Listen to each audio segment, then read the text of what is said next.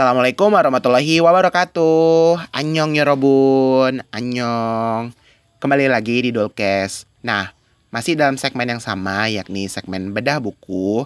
Pada kali ini kita akan membahas lanjutan dari pembahasan episode kemarin. Kalau di episode kemarin itu kan kita ngebahas di bab 1 soal gelombang opa. Gimana sih opa itu bisa nguasain hampir di pasar Asia bahkan di seluruh dunia sampai sekarang ini kita lihat kan sampai ke wilayah kancah Eropa bahkan Amerika dan hampir menginvasi di seluruh wilayah dunia gitu. Nah, inilah dia pembahasan selanjutnya episode 2 bermain ombak.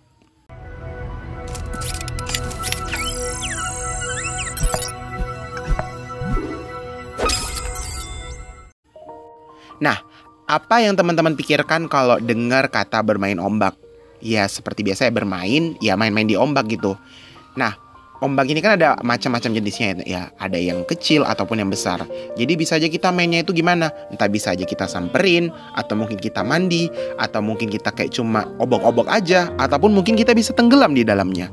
Itu salah satu mungkin kayak definisi gamblang dari umum bermain ombak tersebut Nah, lebih tepatnya di bab kedua ini Sajang Nim itu lebih menceritakan ya soal gimana awal mula Sajang Nim itu bisa kenal sama K-drama dan K-pop. Jadi di sini statusnya itu Sajang Nim kenal K-drama dulu baru kenal K-pop.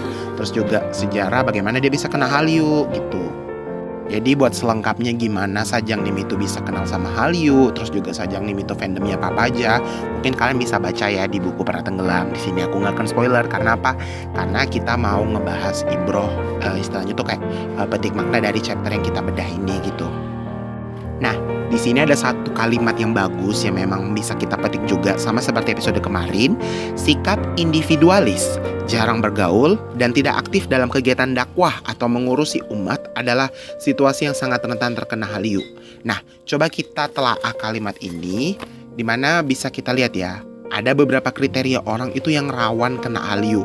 Iya, dia tuh rawan kena gelombang Korean Wave walaupun istilahnya dia nggak nyamperin gelombang tersebut, tapi dia rawan kayak kesapu gelombang tersebut gitu.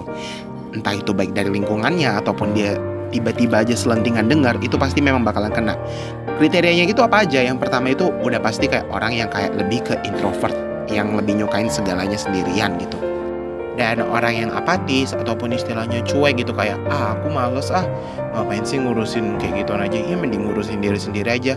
Nah itu adalah tipikal orang yang rentan juga gitu. Terus juga orang yang istilahnya benci dengan dunia entah itu ada trauma di masa lalunya gitu. Jadi dia cenderung kayak uh, nyari sesuatu gitu supaya biar dia tuh uh, traumanya nggak terulang lagi gitu. Sehingga dia bisa cenderung kesapu sama Hallyu gitu. Nah terus poin selanjutnya yang bakal kita petik itu uh, kenapa sih mereka itu mencari mencari Hallyu itulah istilahnya? Walaupun tak itu mencari ataupun mereka yang terkena Hallyu itu mereka pasti punya beberapa alasan gitu. Nah alasan yang istilah memang uh, danang alami dulu gitu.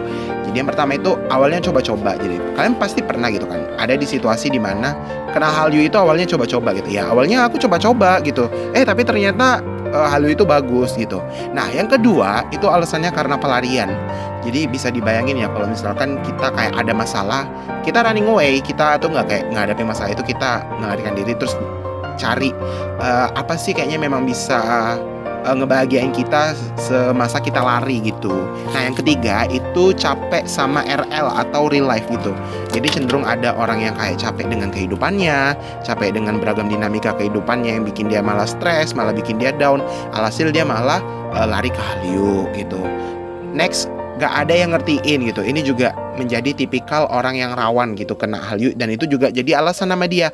Kenapa uh, dia pasti gini, ah udah nggak ada yang ngertiin aku, paling cuma opa, oni yang ngertiin aku aja gitu. Jadi padahal kan statusnya belum pernah ketemu, terus tahu dari mana gitu ngertiin. Padahal kan uh, cuma sekedar uh, fans sama idol itu sendiri gitu. Next itu insecure sama diri sendiri. Jadi cenderung orang yang kayak nggak percaya diri dengan dirinya sendiri, terus dia menutup diri dari dunia sehingga itu jatuh ke Hallyu itu tadi. Jadi sebenarnya tuh ada banyak alasan ya, banyak banget alasan kenapa seseorang itu bisa memang terikat banget sama yang namanya yang sama namanya Hallyu gitu. Jadi istilahnya buat apalagi zaman sekarang di era globalisasi ini kita cenderung kayak mau kita mau ngindarin Hallyu gak bisa. Karena apa? Karena Hallyu emang udah mendunia gitu. Karena mereka emang udah didesain sedemikian rupa, mereka udah didesain dengan sedemikian matangnya dari Korea.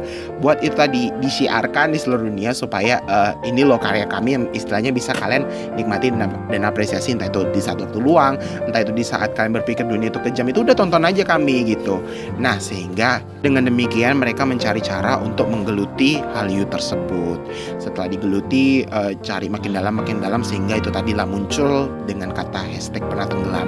Nah, terus bagaimana menggelutinya? Nah, jangan ke mana-mana, kita nanti bakal lanjut di episode 3 yaitu membahas juga chapter 3 dengan judul bab pernah tenggelam. Aku dan Arya Kusumo, pamit undur diri. Terima kasih telah mendengarkan. Assalamualaikum warahmatullahi wabarakatuh. Annyeong.